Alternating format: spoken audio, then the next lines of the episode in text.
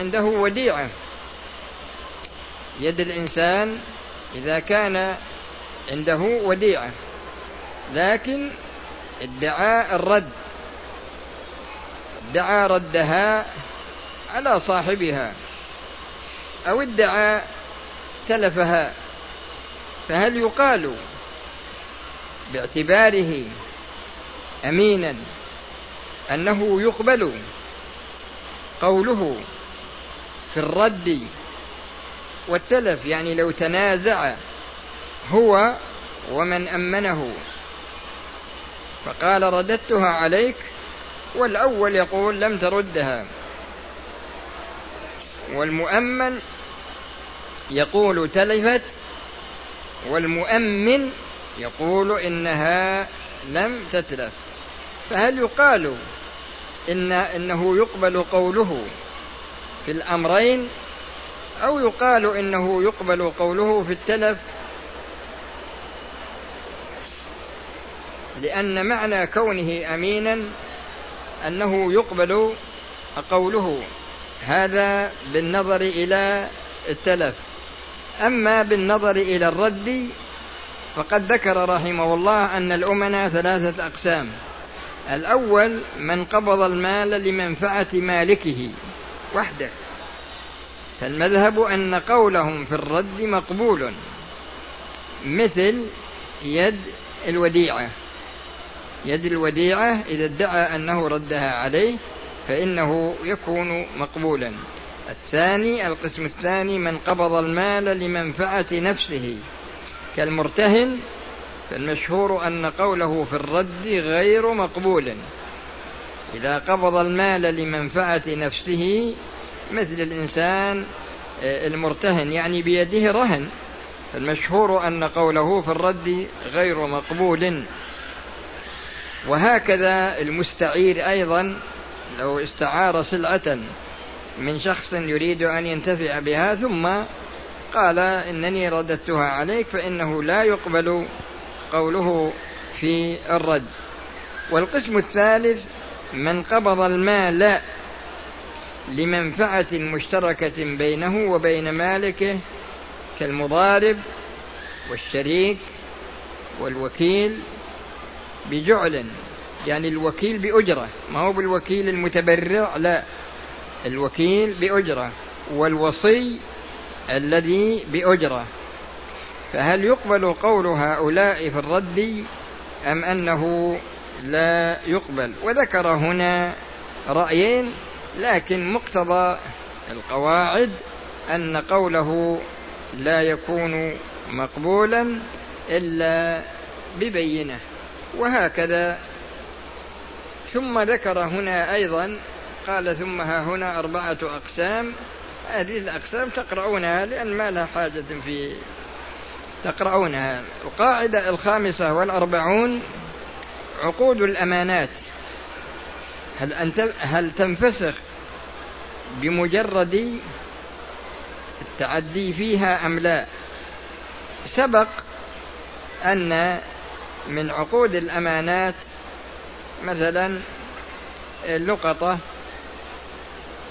ومن عقود الأمانات الوديعة وهكذا سائر ما ذكر من العقود. فهنا يقول هل تنفسخ بمجرد التعدي فيها؟ يعني أنه إذا تعدى على السلعة التي ائتمن عليها فهل ينفسخ عقد الأمانة أم أنه لا ينفسخ؟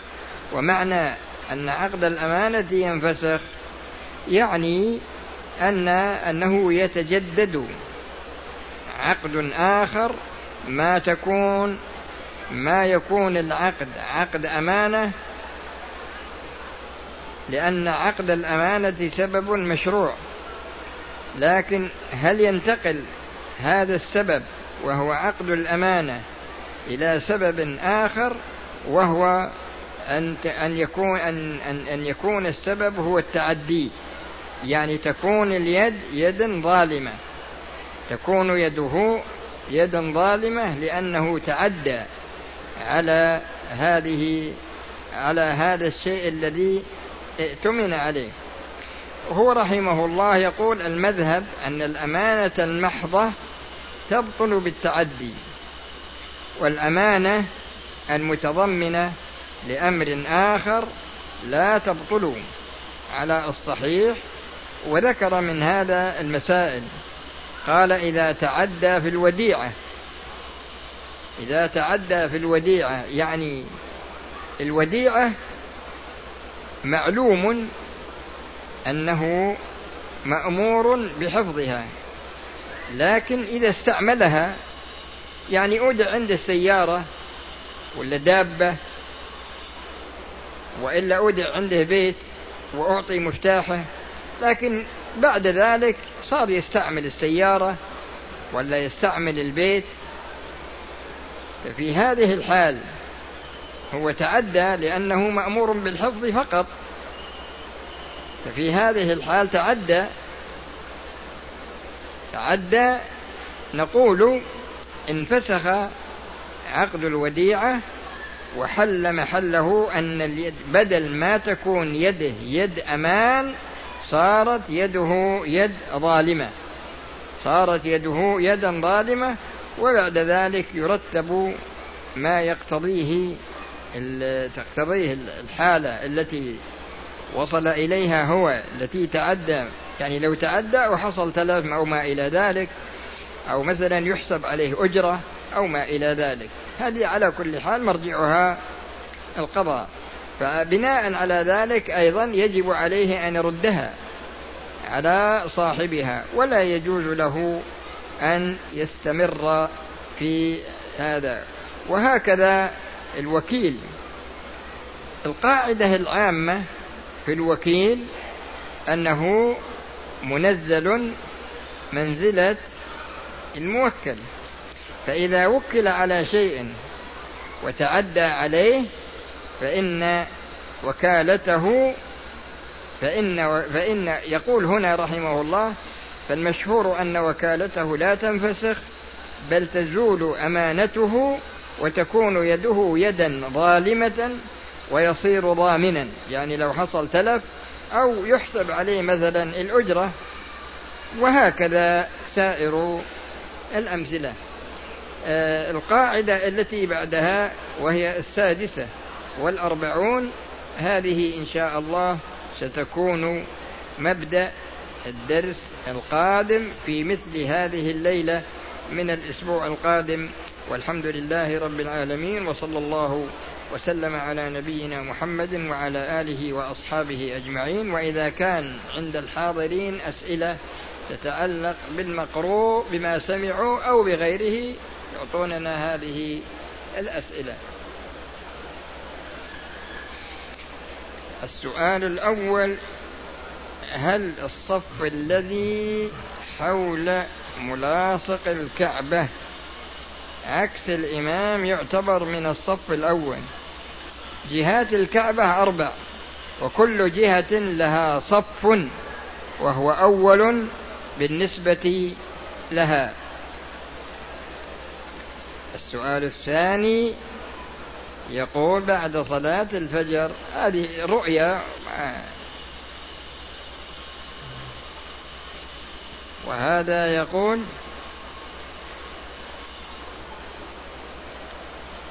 من قام لأداء ركعة خامسة وبعد قيامه تأكد وتيقن أنها زيادة فماذا عليه؟ يجب عليه أن يجلس وأن يتشهد وأن يسجد للسهو وهذا يقول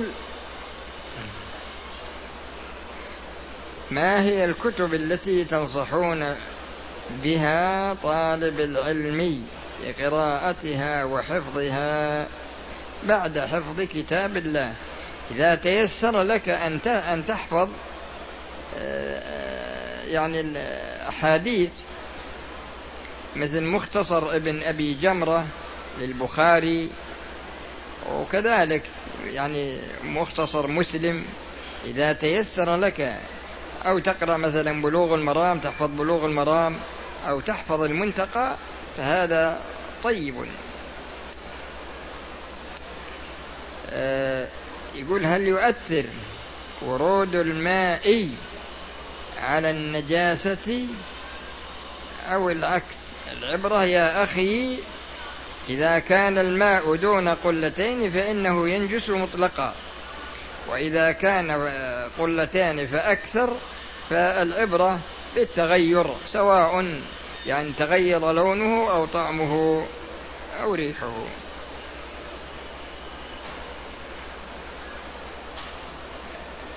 يقول جهاز يقوم بصور طبق الأصل. بالأجرة يا أخي التصوير كله ما يجوز.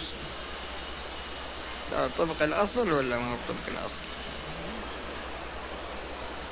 في صلاة الظهر والعصر والعشاء إذا فات الإنسان ثلاث ركعات فكيف يقضيها؟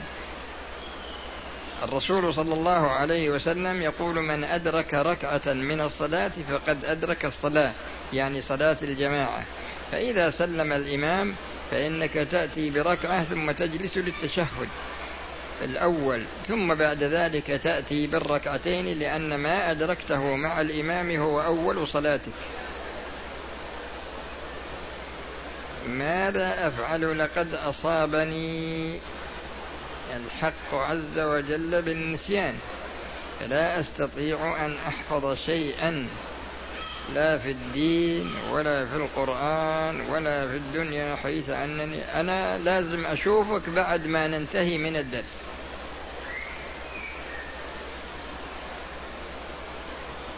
وهذا يقول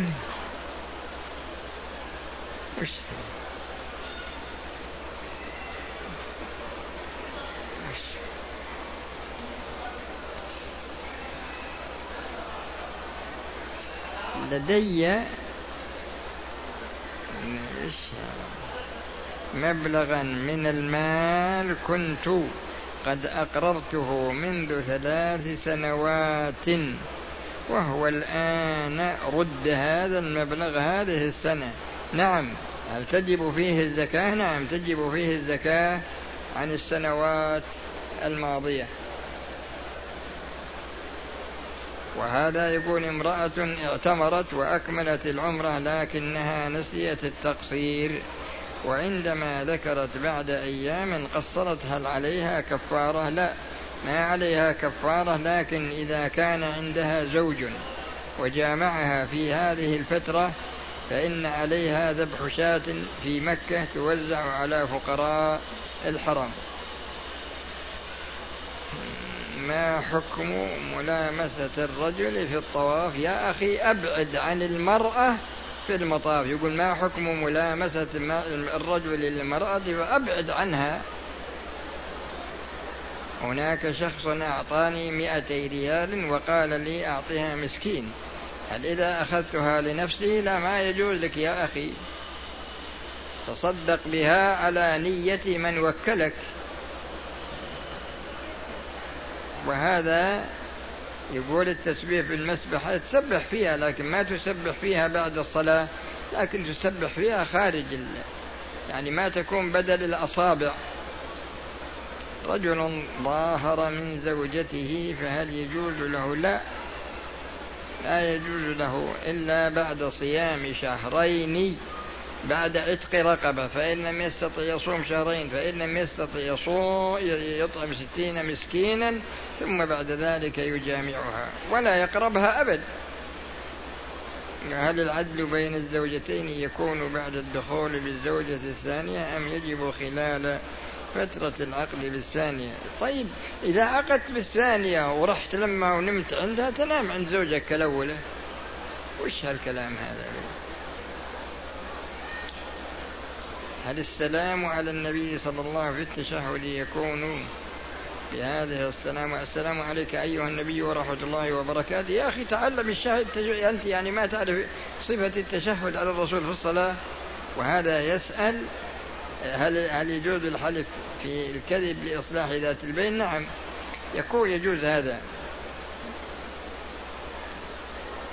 هل آه، أخذت عندي خمسمائة ريال. فقال رجل أخذ عندي كذا يمكن أخذ مني خمسمائة ريال.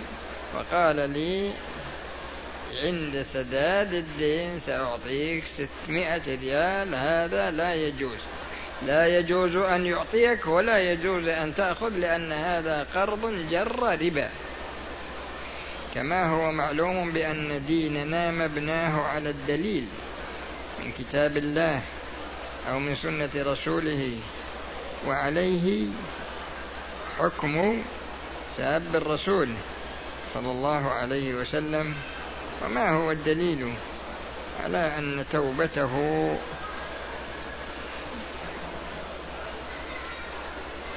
بينه وبين الناس لا تقبل أما بينه وبين الله إذا كانت على كل حال ساب الرسول هذا يجب أن يقبل لأن هذا زنديق. الذي يسب الله أو يسب القرآن أو يسب الرسول أو يسب سنة الرسول هذا كل هذا يجب قتله. ومسألة يعني أمره إلى الله. وهذا يقول الإنسان مثلا يتعلق بأستار الكعبة ويدعو لا يا أخي ارفع يديك إلى الله أستار الكعبة. خرق هذه لا تنفع ولا تضر. جاء رجل إلى الرسول صلى الله عليه وسلم فقال يا رسول الله أعطني حتى أمدحك فإن مدحي زين وذمي شين. فقال له الرسول صلى الله عليه وسلم ذاك الله إذا مدح فمدحه زين وإذا ذم فذمه شين. والرسول صلى الله عليه وسلم يقول من تعلق شيئا وكل إليه. فلا تتعلق إلا بالله جل وعلا.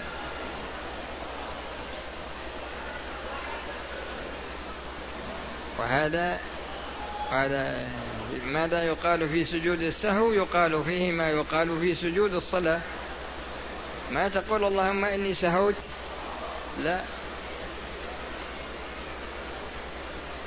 وهذا يسأل عن التصوير. لا يجوز يا أخي.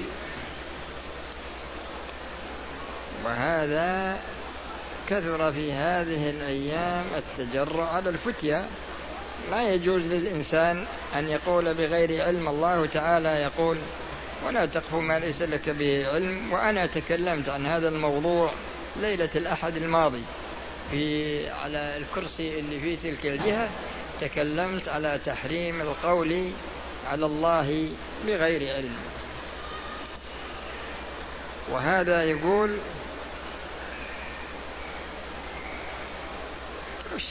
على خلاص. السلام عليكم ورحمة الله وبركاته.